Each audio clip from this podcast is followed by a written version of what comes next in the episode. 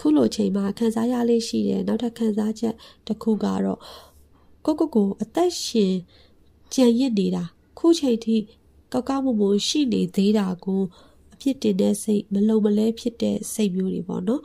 ဒါကို survivor guilt လို့ခေါ်ပါတယ် survivor guilt ဆိုတာကဒီလို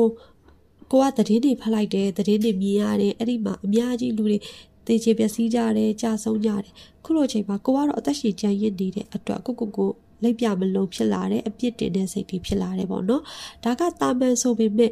တကယ် serious တချို့ခံစားရတဲ့သူတွေမှာကြတော့ကိုကိုကို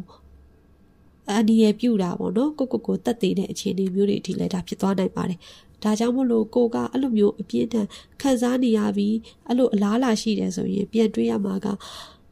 ကိုရီခုလိုခံစားနေုံနဲ့ဒါအရာအလုံးကဘာမှပြောင်းလဲတော့မှာမဟုတ်ဘူးပေါ့နော်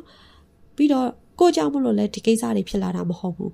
ကိုရိုရဲ့ဘုံရန်သူကိုရီးယားပန်းနိုင်ကရှိပြီးသားပေါ့နော်ဒါကိုပြန်လဲတွေးဖို့လိုပါတယ်နောက်ပြီးတော့အခုလိုခံစားနေရတဲ့အခြေအနေပေါ်မှာကိုကပြန်လဲအားယူပြီးတော့